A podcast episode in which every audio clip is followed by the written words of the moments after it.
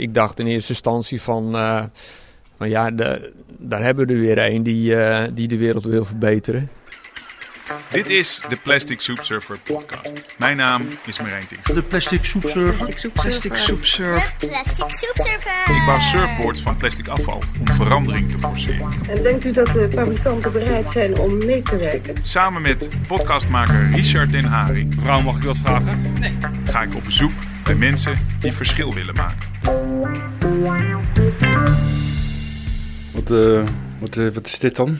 Dat is mycelium. Dat is mycelium. Dat is een soort, uh, ja, het zijn paddenstoelen. Paddenstoelenstrengen. Oké, okay, dat ziet er niet zo uit. Het is meer, het lijkt wel, hoe heet dat nou, die um, noedels. Lijkt het een beetje zo'n, ja, zo hele, grove, hele grove noedels. Grof, ja. Grove noedels, daar lijkt het op. Ja, ja. Ik ga daar een, een windsurfboard mee kweken. Ah, natuurlijk. Oh, en kweken ook? Kweken. Een windsurfboard kweken. En op dat windsurfboard wil ik van Lon, uh, van Oslo naar Londen windsurfen. Dat is 2000 kilometer, ongeveer 30 dagen. Dat ga ik uh, komende juni ga ik daaraan beginnen. Goed, oké. Okay. Um, je wil een windsurf bouwen met uh, eigenlijk van paddenstoelen materiaal? Ja, eigenlijk zo duurzaam mogelijk windsurfboard. Gemaakt met gerecyclede materialen, organische materialen zoals dat mycelium en plastic zwerfflesjes uit de Thames bij Londen. Ja, maar ja, als ik even hard op te denken, en ik ben natuurlijk ja, geen bordmaker of iets, maar ik zou zeggen als het recyclebaar is, uh, paddenstoelen, het klinkt voor mij ook, en als ik het zo zie, van ja, als dat nat wordt of iets, uh, gaat het dan niet te vroeg uh, recyclen, zeg maar.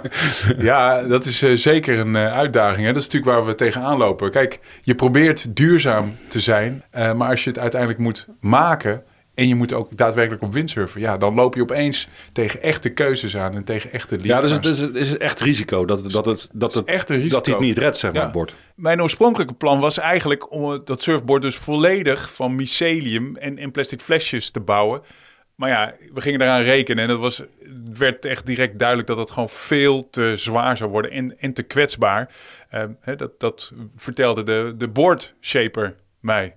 Nou, ik ben uh, Ron van den Berg en ik ben uh, ja, ontwerper op watersportgebied.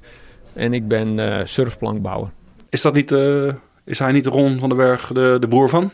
Ja, de broer van Stefan van den Berg, hè, de Olympisch windsurfkampioen uit ongeveer de jaren tachtig. Nou, mensen wat ouder die zullen hem misschien nog herkennen. Zeker. En nou ja, zijn broer Ron gaat mij dus helpen bij de bouw van het boord. Ron was trouwens niet direct enthousiast toen ik hem voor de eerste keer opbelde.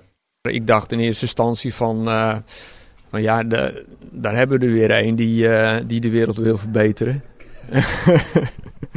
en uh, dat, ja, dus ik, ik was niet meteen zo enthousiast. Ja. Het is ook omdat ik natuurlijk best wel een tijdje meega in de windsurfwereld. En ik weet ook van projecten uit het verleden dat, dat uh, ja, de duurzaamheidswens er wel is. Maar op het moment dat er een boord gemaakt wordt van materialen die ja, uh, duurzaam zouden moeten zijn, dat het uiteindelijk toch weer teruggepakt wordt op het uh, echte high-tech, niet duurzame materiaal. En waarom is dat dan? Nou, omdat het gewoon veel langer meegaat. Dus dat maakt het ook weer duurzaam in de zin van, ja, je vaart niet één jaar op zo'n plank, maar je vaart er wel tien jaar op. En uh, op het moment dat je een plank maakt van materialen die uh, in eerste instantie duurzaam zijn uh, en, en, misschien wel wel te recyclen zijn. ja, maar als dat na, na één seizoen al zo ver kapot is dat het weer opnieuw gemaakt moet worden, dan heb je toch afval. En het is dan wel gedeeltelijk te recyclen, maar niet compleet. En, en dat maakt de uitdaging nu eigenlijk heel interessant. Van hoe ga je materiaal, hoe ga je je boord bouwen? En is het bijvoorbeeld op het moment dat je dan zo'n project gedaan hebt, weer helemaal uh, zo ver te ontmantelen dat je er weer een nieuwe plank van kan maken of een ander product. Ja. En nu gaan we in dit boord ook nog een nieuw, helemaal nieuw materiaal uh, invoegen, namelijk uh, mycelium en, en plastic flesjes. Ja, nou ja, de mycelium is natuurlijk iets wat, wat, ja, niet chemisch geproduceerd, maar eigenlijk gewoon een, uh, ja, een helemaal natuurlijk proces is. En dat, uh, ja, de- de- dat heeft zich al bewezen in de zin van je kan er producten van maken die, die helemaal, eh, nou ja, de natuur kan het weer helemaal oplossen. Kan het weer helemaal, het kan eigenlijk weer een nieuw stukje natuur worden. Maar de, eh, ja, om daar een plank van te maken die echt een lange levensduur kan hebben, dat wordt de, de, de grote uitdaging. Want je moet toch van Oslo naar Londen zien te komen, niet halverwege eh, ja, eh, zeg maar gered moet worden. Eh, Of, of toch op een andere plank moet stappen die, die het wel redt. Ehm, jij, jij, jij, jij surft ook al ontzettend lang. Windsurft al ontzettend lang. Ja. En dan hoor je van Oslo naar Londen. Wat denk je dan? Eh, gekke werk. ja, eh, vooral het laatste stukje, het kanaal over, dat wordt nog een uitdaging. Ja. Ik denk eh, het eerste gedeelte van Oslo zelf. en dan, dan ja, je, gaat natuurlijk niet in één rechte lijn. Je wil zoveel mogelijk plaatsen aandoen om, om nou ja, zoveel mogelijk reclame te maken. Dus dat is ook gewoon eigenlijk wel heel verstandig. Eh, omdat je dan ook allemaal plekken, eh, ja, zeg maar, eh, ja, waar je weer even kan herstellen. Je, moet wel op bepaalde plaatsen natuurlijk opletten dat je niet, nou ja, dat je wel een strandje uitkiest en niet de rots opzoekt. Want dan, ja, de plank moet niet lek raken. Want we hebben net uitgelegd dat het museum eh, daar, ja, gewoon niet, ja, dat mag niet nat worden. Nee, want wat gebeurt er dan? Ja, dan eh, begint het weer uit elkaar te vallen. Ja, dan zuigt het. Het zuigt zich helemaal vol met zeewater. Dan heb je opeens een boord van 50 kilo. Ja, nee, en dat wordt lastiger natuurlijk om daarmee verder te varen. Dus, eh, maar als je je route goed uitstippelt en je, je pakt eh, de juiste punten om, om te stoppen. En ja, je doet alle een beetje grote plaatsen aan om je zoveel mogelijk mensen natuurlijk er bewust van te maken. Dan, eh, dan kan het product, ja, kan je, uiteindelijk kan je die, die toch wel eh, overbruggen. Wat is de grootste uitdaging, denk je? Eh, nou ja, het noordelijkste stukje. Want dan moet je toch een oversteek maken. Je kan niet constant langs het vasteland. Dus je moet van, van, van, ja, van Noorwegen naar Denemarken oversteken. En eh, da- dan kan je eigenlijk van strand naar strand hoppen. En zelfs hele stukken lang vlak langs de kant varen. Eh, ja, dan heb je de, de, de Waddeneilanden. Daar kan je voor kiezen om, om buitenom te blijven of binnen door te gaan. En Binnendoor wordt het een uitdaging omdat je dan ook te maken hebt met, eh, met heel ondiep water. En ja, dan de Nederlandse kust langs. En dan op een gegeven moment moet je bij België oversteken naar de, naar de overkant. En, dat- en dat is erg druk. Vooral met grote zeepvaart. Dus daar, eh, daar zie ik toch wel eh, ook een grote uitdaging. Dus in het begin en het eind. En de laatste loodjes wegen altijd het zwaarst natuurlijk. Dus eh, daar stroomt het ook heel erg hard. En dan eh, ja, de, de Theems op, neem ik aan, richting Londen. Dus dat, eh daar moet je ook een beetje uitkiezen wat, wat tij betreft. Dus met de stroom mee en probeer niet te veel tegen de stroom in. Onder de Tower Bridge. Eh, Tower Bridge wordt de finish. Ja. Nou ja, dat is natuurlijk het mooiste stukje.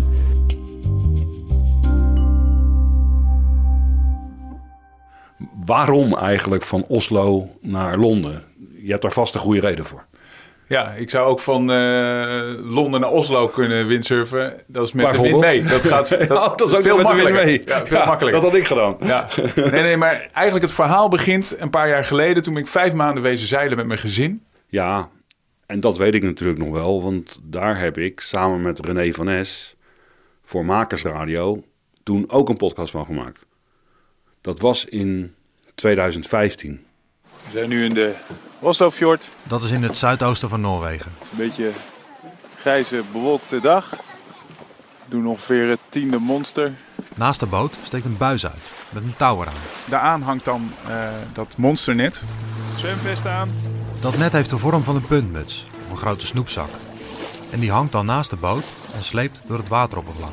Zullen we het weer eh, doen met de pikhaak en dan... eh, Het is dan heel bijzonder om na een half uur, als je dat Zet de emmer vast klaar. net weer naar binnen trekt, om dan te zien wat je allemaal gevangen hebt.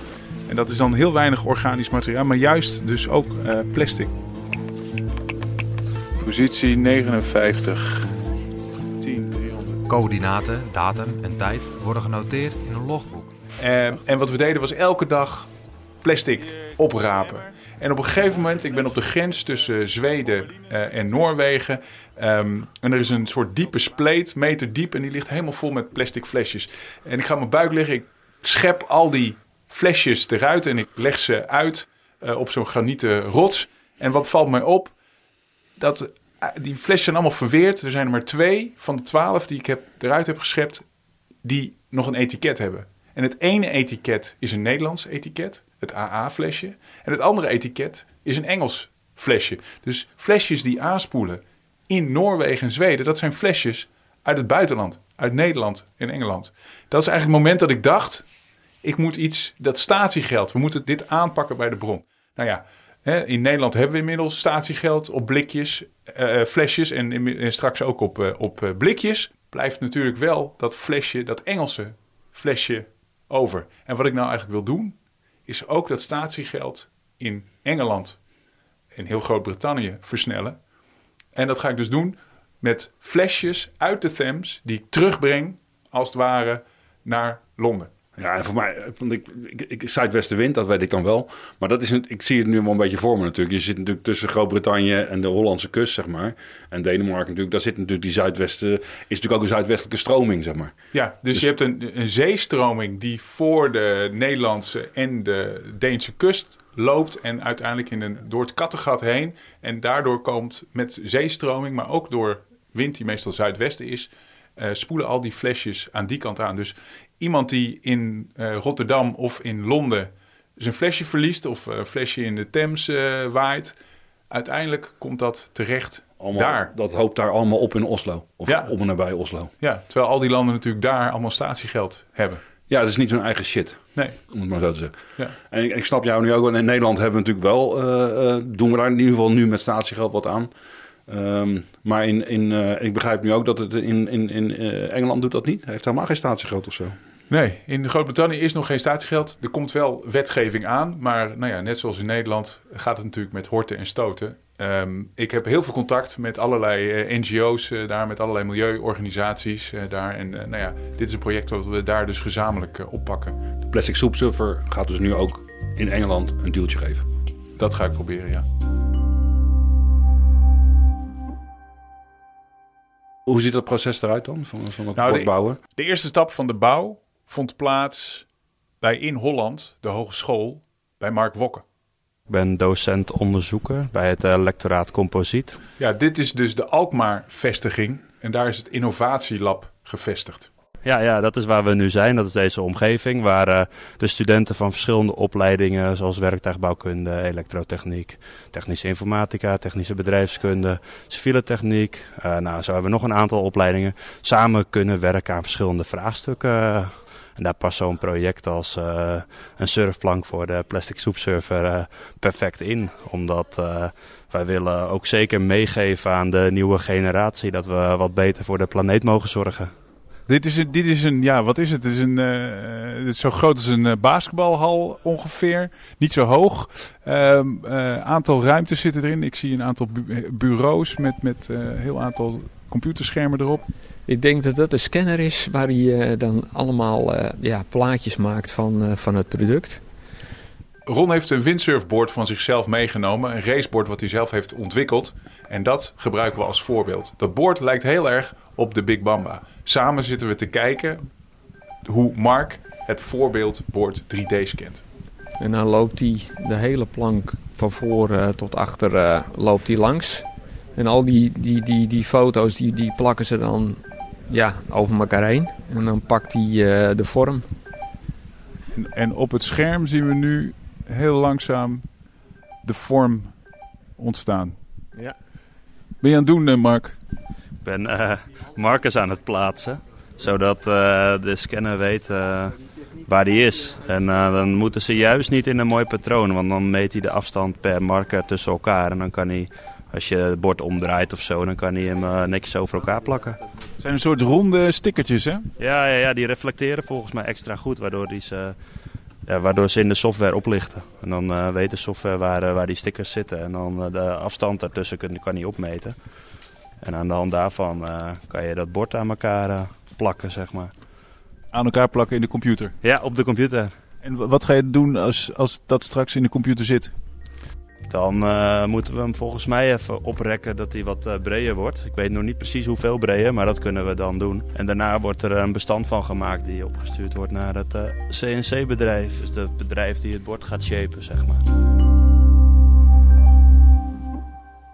We gaan straks naar de freezer, maar ik vroeg Ron van tevoren nog even wat zijn verhaal nou is de historie is eigenlijk dat, dat, dat, dat Steven al op jonge leeftijd heel goed was met windsurfen. Hij is de Golden Boy uit Hoorn in Noord-Holland. In 1984 wint hij voor de kust van Los Angeles een gouden Olympische medaille bij het windsurfen. Stefan van den Berg. En hij is in één klap een ZBN'er. Zeer begeerde Nederland. Hij werd negenmaal wereldkampioen, zesmaal de beste van Europa en won uiteindelijk Olympisch goud.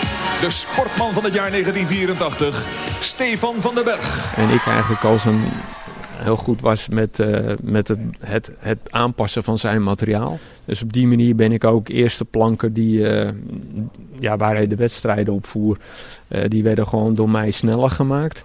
En ja, toen op een gegeven moment wilde ik natuurlijk ook echt nou ja, een plank van nul af aan opmaken. En toen, toen ben ik eigenlijk begonnen met het bouwen van surfplanken.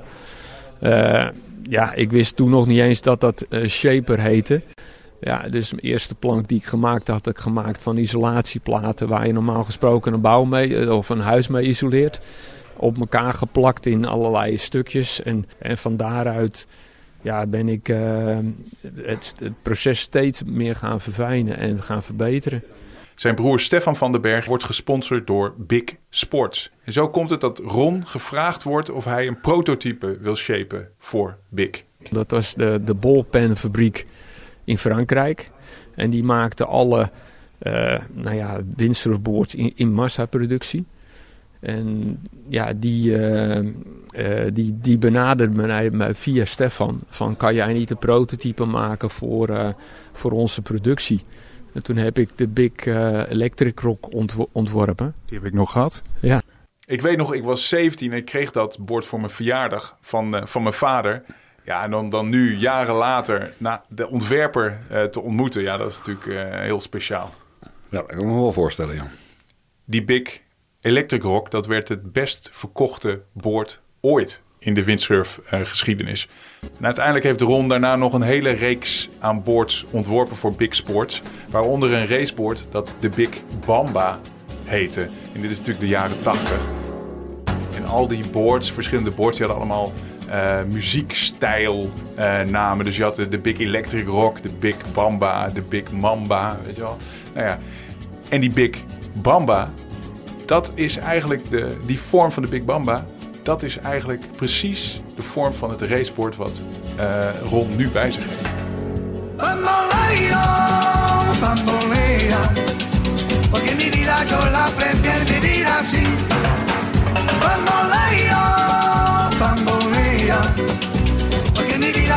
Vertel even, wat, wat, wat gaan doen? Jullie zijn klaar met scannen? We gaan koffie doen. Nee, maar uh, nee, we zijn, uh, wat, wat er dus gescand is, is dus alles behalve de rails waar hij dan op ligt.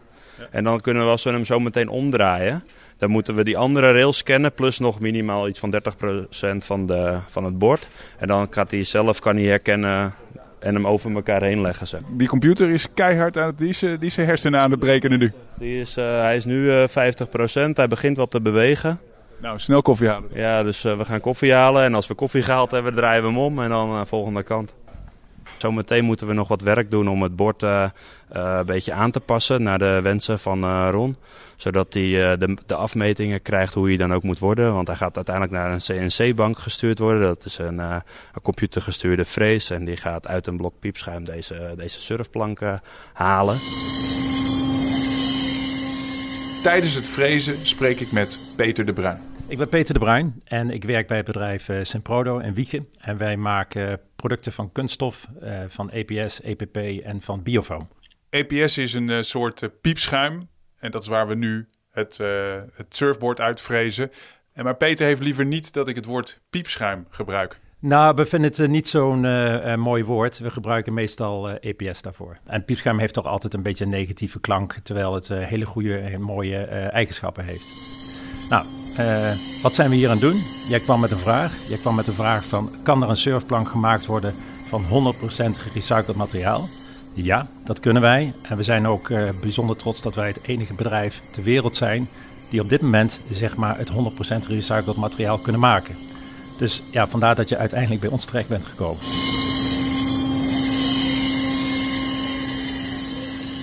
Ik surf straks op uh, afgedankte stukken EPS van uh, koelkastbescherming, wat uh, ooit met de Coolblue is uh, teruggehaald. ja, dat klopt. Ja. Ja. Dus daar hoeft helemaal niks qua nieuw materiaal aan toegevoegd te worden. Ander voordeel wat daarbij komt is dat wij daardoor in staat zijn om een materiaal op de markt te brengen wat 40% lager CO2-uitstoot heeft dan Virgin, het nieuwe materiaal. Dus er zitten straks plastic flesjes in, mycelium en de kern is van piepschuim.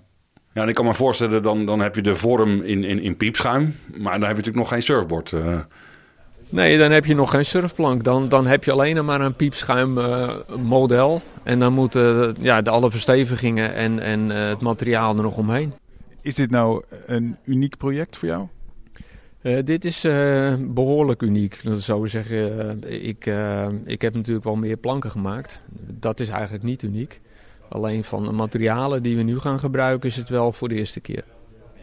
Dus uh, ja, en ik denk ook voor, voor de hele markt uh, is het een uniek product om, om, om met iets wat, nou ja, uh, ja wat eigenlijk in sommige gevallen ja, een, een, afvalproduct is, om, om daar dan weer een, ja, een, een, heel duurzaam product mee te maken. Dus dat maakt het interessant. We hebben dat uh, mycelium, dat, wat gemaakt is van schimmels. Uh, we hebben het piepschuim. EPS. EPS. en je hebt de flesjes. Want waar komen, waar, waar komen die vandaan dan? Nou, die flesjes die ik destijds, dus zeven jaar geleden, vond, ja, die heb ik niet meer. Dus wat heb ik gedaan? Ik ben, vorige week ben ik naar Londen gegaan met de trein, op en neer, om daar plastic flesjes midden uit Londen van de, de rivierbedding te halen. Flesjes die met de volgende tij weer meegenomen zouden worden. Ja, je bent preventief te werk gegaan. Ja. Want dat zijn, ja, dat zou, dat zou je kunnen zeggen, dat zijn de potentiële flesjes die... Die zouden afdrijven naar Oslo. Je hebt ze gered. En ik heb ze gered, ja. en het grappige was, ik stond daar op de brug, dus ik was er, we waren er naartoe.